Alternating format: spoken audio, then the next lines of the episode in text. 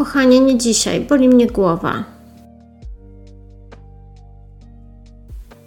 Jeżeli ten tekst kojarzy Wam się z najczęstszą i najbardziej wyświechtaną wymówką uzasadniającą nieuprawianie seksu z partnerem, to w tym odcinku podcastu powiem Wam, do czego pośrednio, a może bezpośrednio tego rodzaju postawa może doprowadzić. Nazywam się Janna Parafianowicz, jestem adwokatem i zapraszam do słuchania podcastu w związku z tym.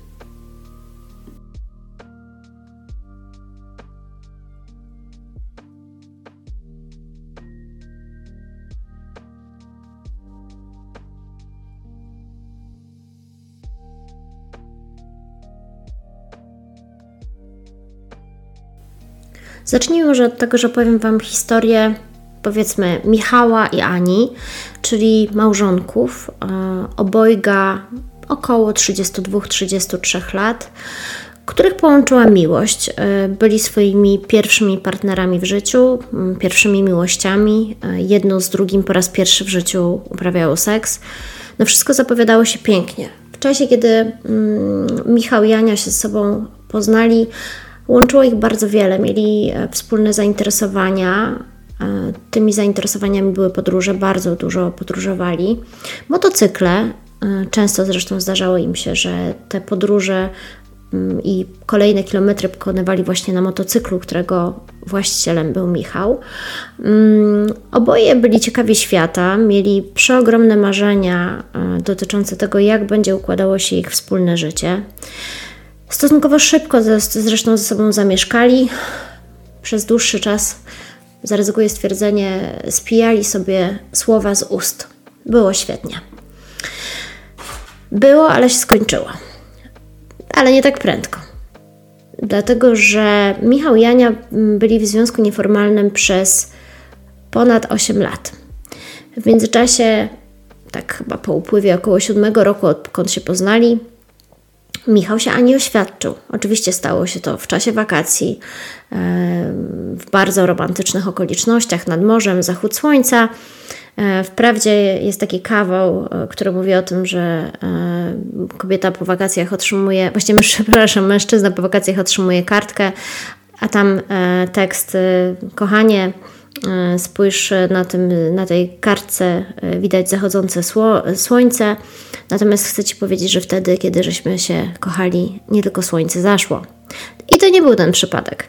E, Michał i Jania po prostu się ze sobą pobrali. Mm, kilka miesięcy później Ania zobaczyła dwie kreski na teście ciążowym i dla niewtajemniczonych dwie kreski zwykle w większości testów oznaczają ciążę. I to była radosna informacja. E, podzieliła się nią z Michałem, oboje cieszyli. Oboje, jeszcze wtedy nie wiedząc, e, kto się z tego urodzi, e, planowali właściwie i dla swojego syna, i dla swojej potencjalnej córki wspaniałe życie. Cieszyli się na to, co ich czeka. Tym bardziej, że Michał wchodził w tamtym czasie już w taki dosyć ciekawy etap rozwoju zawodowego. Jego kariera nabierała rumieńców. E, był on e, menedżerem w dużej firmie, zarabiał przyzwoite pieniądze. E, z kolei Ania była nauczycielką. Mm, nie jest zresztą chyba tajemnicą, że nauczyciele na pewno w Polsce nie szczególnie dobrze zarabiają, ale to nie był dla tych małżonków problem, dlatego że, tak jak wspomniałam, Michał zarabiał całkiem fajnie. I kiedy ta ciąża już powoli nabierała rumieńców, e, oboje doszli do wniosku, że kiedy Ania urodzi dziecko, e, to e, zostanie w domu i się nim zaopiekuje. Nie od dziś wiadomo, że dobrze jest, żeby dziecko mogło jak najdłużej zostać z mamą, bo wtedy najlepiej się wykształcą w nim wszelkie możliwe dobre cechy, nie, nie będzie cierpiał na jakiekolwiek deficyty, a na pewno nie będzie mu brakowało rodziców. E, no i tak właśnie się stało. Ania e, urodziła córkę, e, której nadali imię Julia. W wyniku porodu, który przebiegł całkiem sprawnie, rodziła w jednym z większych warszawskich szpitali. Mm, bardzo szybko opuściła szpital. Zresztą wspomnę, że Julia, kiedy się urodziła, otrzymała 10 punktów w skali Apgar, a mm, z pewnością wiecie, że ten rodzaj punktacji jest jednym z najważniejszych parametrów e, w życiu e, młodych rodziców. To znaczy, mieli zdrowe dziecko, sami byli zdrowi, kochali się, więc wrócili do domu. I oczywiście Julia bardzo dobrze się rozwijała. E, tak jak wspomniałam, Ania zgodnie z ustaleniami została w domu. E, może wcześniej nie zarabiała wiele, ale jednak Michał musiał dołożyć nieco więcej starań ku temu, aby na wszystko im starczało, a chciał, żeby starczało im na wszystko, o czym Anna zamarzy, a Julii będzie potrzebne. E, w związku z takimi właśnie potrzebami rodziny, Michał z czasem zmienił pracę. Jak to zwykle bywa, kiedy zmieniamy pracę, musimy się jej troszeczkę bardziej poświęcić, musimy wykazać się przed nowym pracodawcą, e, a jeżeli chcemy jeszcze awansować, no to trzeba tego wysiłku włożyć jeszcze więcej. Natomiast e, nic jakby nadzwyczajnie złego się w związku z tym nie działo. Po prostu Michał wracał o godzinę później, później dwie, potem po jakimś czasie dwie godziny później do domu. Ania e, zajmowała się córką, e, oboje byli szczęśliwymi rodzicami. Ich życie układało się mm, właściwie tak, jak układa się życie wielu osób, którym zazdrościmy. Byli młodzi, piękni, może jeszcze nie bogaci, ale za to na dobrej drodze do tego, aby bogatymi ludźmi zostać. Y, małżeństwu układało się całkiem nieźle. Bardzo często spotykali się z liczną rodziną i Michała, i Ani. Przychodzili, gościli się e, u siostry Ani, u brata Michała. E, wszyscy z kolei e, spotykali się bardzo często u rodziców jednego i drugiego. Było pięknie. I kiedy Julka miała mniej więcej dwa latka, Michał ponownie zmienił pracę. Mm, to była praca nad wyraz wymagająca. Niestety musiał do pracy dojeżdżać, więc e, w stosunku do tego, co się działo wcześniej, e, czyli do tych e, z czasem godzinnie późniejszych powrotów, a potem dwie godziny późniejszych powrotów, doszła jeszcze jedna godzina na drogę do pracy jedna godzina na drogę z pracy. Do tego, jak się okazało, mm, z pracą wiązały się częste wyjazdy już nie z żoną na motocyklu, ale po prostu samochodem w w ramach obowiązków służbowych. Michał bardzo dużo jeździł po Polsce, Ania nie. Natomiast yy, układało im się nadal dobrze, a przynajmniej do tego momentu tak to wyglądało z zewnątrz. Dość dużym zaskoczeniem, właściwie dla wszystkich bliskich yy, obojga małżonków, ale także dla wszystkich znajomych i Michała i Ani, był moment, w którym Michał wyprowadził się z domu. Tego się nie spodziewał nikt, i nade wszystko nie spodziewała się tego Ania. No i można zadać tutaj pytania charakterystyczne programom interwencyjnym, jak do tego doszło i czy można było tego uniknąć. Moim klientem był Michał. Kiedy do mnie trafił, opowiedział mi historię tego związku, która niestety znacznie odbiegała od y, tego, co do tej pory usłyszeliście. E, prawda, przynajmniej mojego klienta, była bowiem taka, że kiedy Ania zeszła w ciążę, było jeszcze świetnie, ale kiedy ta ciąża e, rozwinęła się do mniej więcej piątego miesiąca, Ania, mm, zaczerpnąwszy wówczas e, specjalistycznej wiedzy z jakiegoś instagramowego profilu, doszła do wniosku, że dla dziecka będzie lepiej, jeżeli nie będą się z mężem kochać. Czyli krótko mówiąc, e, po to, aby zapewnić prawidłowy rozwój płodu, Ania odstawiła męża na bok. Tak to przynajmniej on odczuwał. I on początkowo się na to zgodził. No, nie znał się, to było pierwsze jego dziecko, pierwsza żona zresztą, pierwsza taka sytuacja, w jakiej się znalazł, a y, no, mówmy się, nie, nie followował szczególnie dużo y, blogów parentingowych i y, profili parentingowych, więc uznał, że prawdopodobnie skoro Ania tak mówi, to, to pewnie ma rację. I co się stało dalej? Mm, ciąża postępowała. Mm, Ania czuła się dobrze. Mm, Michał czuł się dobrze do pewnego momentu. Czuł się jeszcze lepiej, kiedy urodziła mu się zdrowa córeczka. Natomiast e, o ile jeszcze przez jakiś czas y, przyjmował do wiadomości, że mm, żona jest w połogu i nie nalegał na to, aby dochodziło między nimi do zbliżeń, to kiedy od narodzin córki upłynął rok, zaczął się tym nieco martwić szczerze mówiąc, nie dziwię mu się. E, natomiast ta sytuacja trwała jeszcze drugi rok. Więc y, można śmiało powiedzieć, y, może to zabrzmi odrobinę złośliwie, Ale nie taki jest mój cel, ale można powiedzieć, że Ania w połogu była od zajścia w ciążę aż do dwóch lat później. W międzyczasie, tak mi opowiadał klient, yy, małżonkowie współżyli ze sobą raz i ten raz nastąpił na krótko przed wyprowadzką Michała. Oczywiście y, można powiedzieć tutaj, że y, małżonkowie powinni byli ze sobą usiąść i szczerze porozmawiać. Y, on powinien był jej powiedzieć, że po prostu za nią tęskni, brakuje mu jej. Mógł też powiedzieć to bardziej brutalnie, ale nadal zgodnie z prawdą, czyli że jest po prostu młodym mężczyzną i zwyczajnie potrzebuje seksu. Poza tym kiedyś uprawiali go często, więc właściwie chyba nie ma żadnych przeciwwskazań, aby kontynuowali ten rodzaj postępowania. Natomiast prawda jest też taka, że e, Michał po prostu czuł się samotnie, znaczy był samotny. E, miał wrażenie, że ilekroć wraca do domu, to właściwie jedyne o czym może z żoną rozmawiać to są e, zupki, mleko, pieluchy. Mm, z kolei dla niej to był cały jej świat w tamtym czasie. Tak jak wspomniałam, mm, ona wtedy nie pracowała, została z córką w domu. Michał, jak wiecie, zmieniał pracę jedną, drugą, trzecią piął się po szczeblach kariery.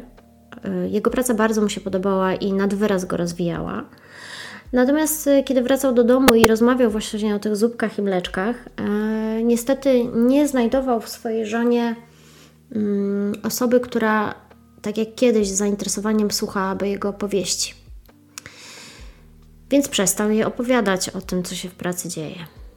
Mm, z czasem z kolei stało się tak, że no, taki klasyk, poznał kobietę w pracy, która była zresztą w trakcie e, sprawy rozwodowej.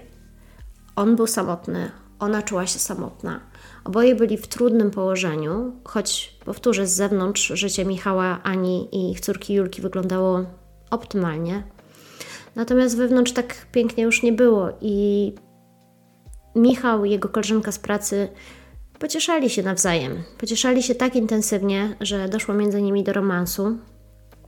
Hmm, początkowo ta relacja opierała się właściwie wyłącznie na, e, na współżyciu, czyli na seksie. E, natomiast z czasem pojawiło się między nimi uczucie. Uczucie tak silne, że e, z osoby, która była sfrustrowana brakiem bliskości z żoną, Michał przestał być tym zainteresowany i po prostu swoje zainteresowanie skierował w inną stronę. I to jest historia, którą poznałam ja z ust mojego klienta.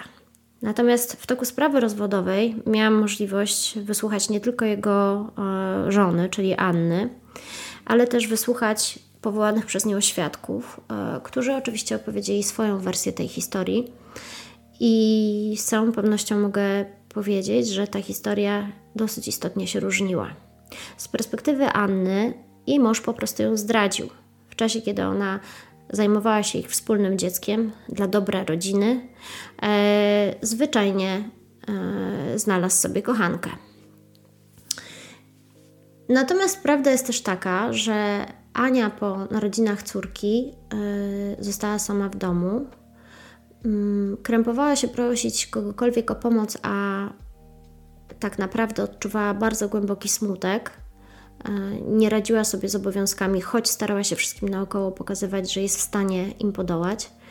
E, wydaje się, że mogła być może chorować na depresję poporodową natomiast nie skorzystała z niczyjej pomocy. I ten jej stan się pogłębiał. I jeżeli teraz nałożylibyśmy na siebie to, o czym opowiadał Michał i to, o czym opowiadała Ania, e, czyli yy, te historie związane z tym, że on czuł, on był nieobecny fizycznie, za to kiedy przyjeżdżał do domu, y, był nieobecny w obszarze emocjonalnym. Z kolei ona starała się go zaciekawić dość nudnymi historiami o drobnych, bieżących sprawach życia codziennego. Y, to tak czy inaczej dochodziło do tego, że on się czuł samotny i ona czuła się samotna. Ona e, uważała, że mm, mąż jej nie wspiera, nie zauważa stanu, w którym jest. E, oczekiwała zresztą, jak większość kobiet, że on się domyśli, co jej dolega i zaproponuje pomoc. Co więcej, potwierdziła nawet w toku swoich wyjaśnień przed sądem, że On proponował jej, żeby poszła do lekarza. Sam też proponował, że mm, będzie się zajmować popołudniami dzieckiem, właściwie wieczorami dzieckiem, po to, żeby ona mogła pójść na zumbę bodajże. Mm, natomiast y, tak naprawdę to jej po prostu na tę zumbę brakowało y, siły i w ten czas, który jej zostawał, kiedy mogła teoretycznie mieć chwilę dla siebie, wolała poświęcić ten czas spaniu, co też jest zrozumiałe. I ten stan między nimi układał się, znaczy toczył się tak wiele miesięcy, do, doszedł do pewnego utrwalonego poziomu, w którym, y, jeżeli byśmy spojrzeli na to z boku, Mieliśmy młodą żonę zmęczoną życiem, patrząc z boku, ale tak bardziej z jej perspektywy. Młodą żonę zmęczoną życiem, e, kobietę, która, której potencjał E, taki intelektualny, zawodowy gdzieś tam wyparował w kosmos. E, osobę, która czuje, że nie ma wsparcia w najbliższej sobie oso w sobie osobie. Dziewczynę, która nie ma kompletnie siły na robienie czegokolwiek, ani mm, odpoczynek, nie ma, nie ma siły na odpoczynek, ani na odpoczynek w postaci sportu, ani nie miała też czasu na to, żeby się umalować i o siebie zadbać. I nie miała też ochoty na seks. Z czasem z kolei, kiedy być może już ta potrzeba bliskości w niej się odnowiła, mm, no to on nie miał ochoty na seks. I tym oto sposobem e, oboje doprowadzili swoimi działaniami do takiego skutku, że on odszedł od rodziny. I patrząc na to z perspektywy e, prawniczej, można powiedzieć, że e, z pewnością jedna i druga strona mogła przedstawiać dowody, które wskazywały na to, że Mm, jedno bądź drugie jest winne rozpadowi pożycia, który zresztą okazał się trwały i zupełny. Natomiast w tej historii tym, co, co mnie uderza najbardziej, nie tylko jako prawnika, ale po prostu jako człowieka już z pewnym życiowym doświadczeniem, jest to, że oni się po prostu ze sobą minęli. E, faktycznie on nie zauważył, że jej coś dolega. Ona z kolei o tym nie powiedziała. Mm, tkwiąc jakby w tym swoim świecie, w tych pieluchach e, na co dzień e, i w swoim nieszczęściu, utwierdzając się w tym, że jest w gruncie rzeczy nieszczęśliwa z tym, co ją spotkało, zupełnie zatraciła zainteresowanie swoim mężem. I z czasem łączące ich wcześniej silne uczucie po prostu rozeszło się po kościach. Między nimi nie było w ogóle żadnej e, takiej o charakterze erotycznym interakcji, nie było bliskości. Właściwie był tylko, e, były, oni funkcjonowali jak, e, jak współlokatorzy. Komunikowali się w, w sprawach dziecka, komunikowali się i to potwierdzali zresztą w zeznaniach oboje E, w takich kwestiach jak e, zakupy, e, obowiązki, zaplanowanie świąt, wyjście do rodziców. W tym obszarze mm, ta ich, ten ich związek funkcjonował jak należy. Natomiast tylko w tym mm, ona nie czuła się kobietą, sama nie dokładała starań, aby, aby tak się czuć. On z kolei w niej kobietę przestał widzieć. No i teraz można sobie zadać pytanie, właściwie jak do tego doszło. Um, oczywiście żadna historia nie jest czarno-biała i z pewnością tutaj wiele elementów się na siebie nałożyło. Natomiast myślę, że warto e, powiedzieć sobie jasno i też e, nie ukrywam, że to jest e, taki wniosek, który płynie z mojego ogólnego oglądu rzeczywistości, w szczególności z prowadzonych spraw, że kobiety bardzo często tracą zainteresowanie swoimi mężczyznami w czasie, kiedy już mają dziecko. I teraz y, wiem, że mężczyźni często zadają sobie pytanie, y, czy byli im potrzebni tylko po to, żeby mieć dziecko. Y, co się takiego stało, w czym zawiniłem albo czego nie zrobiłem, że nagle przestała mnie kochać. Mm, natomiast pamiętajmy, proszę, że elementem w chyba większości prawidłowo funkcjonujących związków jest spotykanie się ze sobą na wielu obszarach. E, to musi być taka bliskość emocjonalna, e, duchowa, musi być jakaś wspólnota wartości, e, musi być to takie mm, tak zwane patrzenie w jednym kierunku. Powinna być umiejętność rozmowy, ale powinien być też seks. I tak jak nie można z niego, myślę, że robić pierwszoplanego, pierwszoplanowego elementu wspólnego pożycia, czyli krótko mówiąc, życia ludzi, tak też nie można nie zauważyć, że jest on nad wyraz istotny. Dlatego, że brak bliskości prowadzi do E, do tego, że ludzie przestają się ze sobą dobrze dogadywać.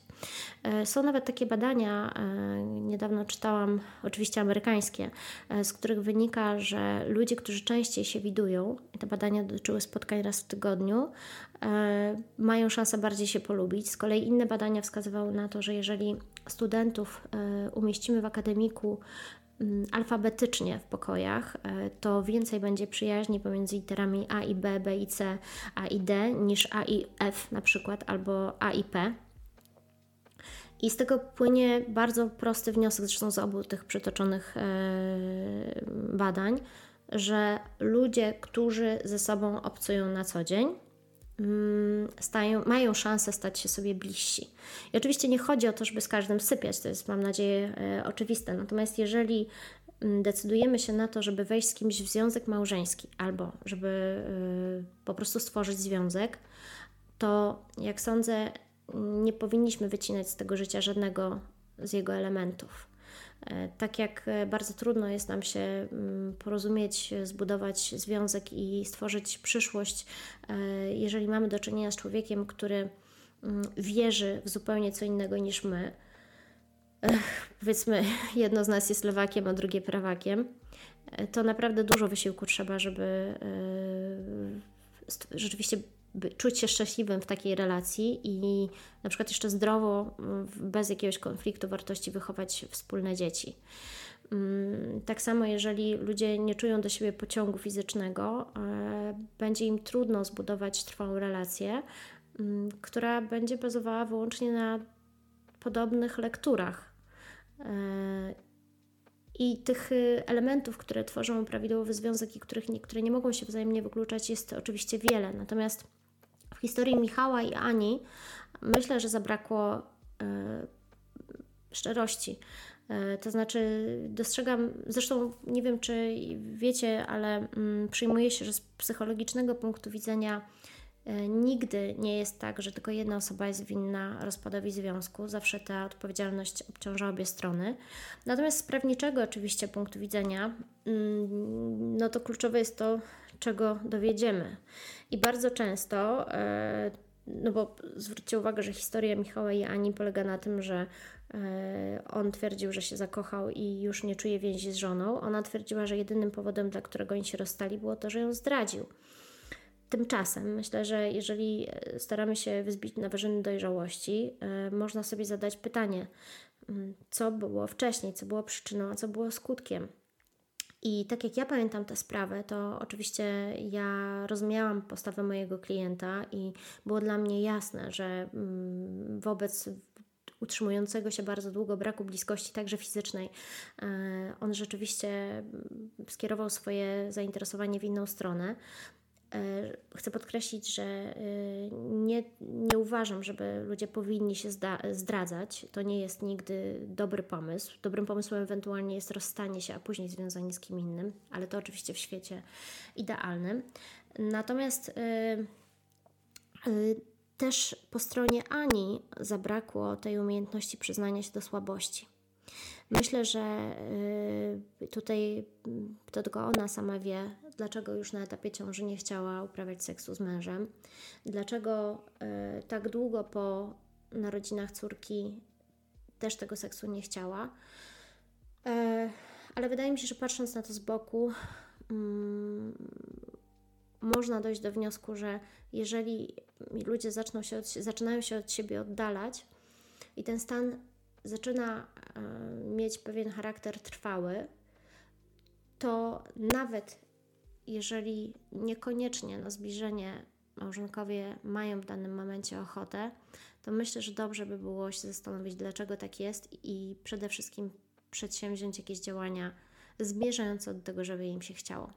Bo jeżeli e, tej bliskości fizycznej nie będzie, seksu nie będzie, mm, to małżeństwo raczej raczej się nie utrzyma, w szczególności w takiej relacji, która na wcześniejszym etapie, a tu przypomnę, to było 8 lat wspólnego życia przed ślubem, i na tamtym etapie Ania i Michał dogadywali się w łóżku świetnie. Czyli ta sfera życia w tamtym czasie była dla nich istotna.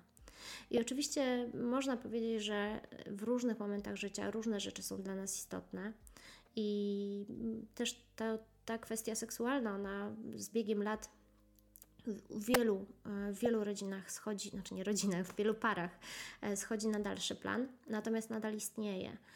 I wszystko byłoby dobrze, gdyby obie strony w taki sam sposób postrzegały ten element życia albo jakikolwiek inny.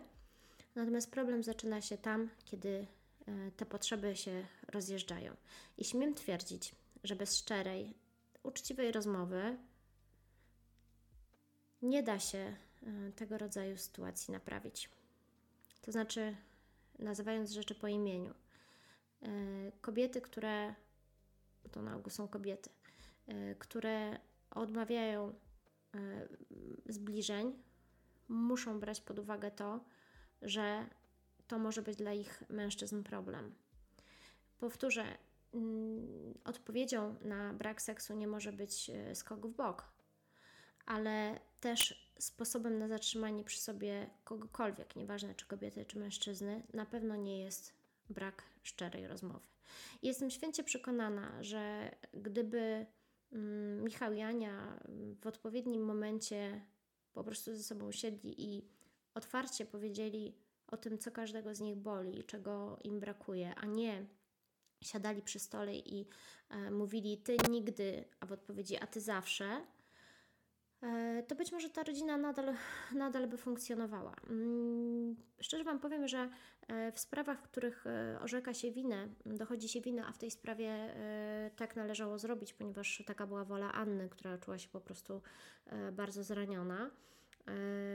W tych sprawach bardzo często strony okopują się na swoich stanowiskach i po prostu bezmyślnie walczą. Natomiast to, co było pozytywne akurat w tej konkretnej sprawie, o której myślę, to to, że ja oczywiście wiedziałam, jaką postawę życiową obrał mój klient. E, miałam też wiedzę, e, co się działo po drugiej stronie, ale tym, co było budujące i myślę, że co stanowiło nie tylko jedno, znaczy równocześnie i zamknięcie ich wspólnej historii, ale takie niebolesne bardzo i otwarcie zarazem na coś nowego, był moment, kiedy e, jako ostatnią czynność procesową sąd słuchał właśnie Anny. I myślę, że dopiero na tym etapie, e, dzięki zadawanym jej pytaniom i dzięki takiej, myślę, że nieszczególnie wrogiej e, atmosferze na sali sądowej, Ania po prostu zrozumiała, w którym momencie powinna była się zatrzymać i zastanowić nad tym, w jaki sposób postępować inaczej. I dla niej to było bardzo przykre. Ona zalewała się po prostu łzami, zeznając. Natomiast myślę, że gdyby tego takiego rachunku sumienia e, na tym etapie ona nie zrobiła, to istniałoby spore prawdopodobieństwo, że do końca życia mm, pielęgnowałaby w sobie taką niczym niezmąconą niechęć do byłego męża i zarazem ojca ukochanej córki. I być może do końca życia trawiłaby ją gory czy jakiś taki jad i bardzo mocno ugruntowane przekonanie, że wszyscy faceci to świnie. A przecież tak nie jest. To małżeństwo nie przetrwało próby czasu, podobnie zresztą jak wiele innych małżeństw, które spotkałam po drodze. Natomiast jeżeli Wam albo Waszym bliskim zdarza się popełniać któreś z tych błędów, o których opowiedziałam, to myślę, że warto z tą ukochaną osobą po prostu usiąść i pogadać. A kto wie, może w przyszłości dzięki temu nie spotkamy się na sali rozpraw. Czego w gruncie rzeczy, znaczy Wam na pewno, ale też i sobie życzę. Swoją drogą zdradzę, że e, ja jestem tego rodzaju prawnikiem rozwodowym, który na tyle, na ile może, to stara się strony ze sobą pogodzić. Oczywiście nie zawsze jest to możliwe, natomiast y, jestem przekonana, tak jak mówiłam, że prawie każdy związek można uratować, choć nie każdy warto. Natomiast tutaj podstawą do tego, żeby się starać, żeby pracować nad relacją, jest po prostu to, że kiedyś ci ludzie naprawdę szczerze i głęboko się kochali. Jeżeli inne względy leżały e, u podłoża związku, na przykład zainteresowanie e, wynikające z finansów albo jakieś inne kwestie, no to taki związek byłoby uratować trudno. Natomiast oczywiście miłość nie jest w życiu najważniejsza. Najważniejsza jest umiejętność dogadywania się w codziennych sprawach, ale, ale bez miłości to do dogadywanie się w codziennych sprawach, wtedy kiedy przychodzi y, jakiś taki gorszy czas, chyba jest niemożliwe. Dziękuję Wam bardzo za uwagę.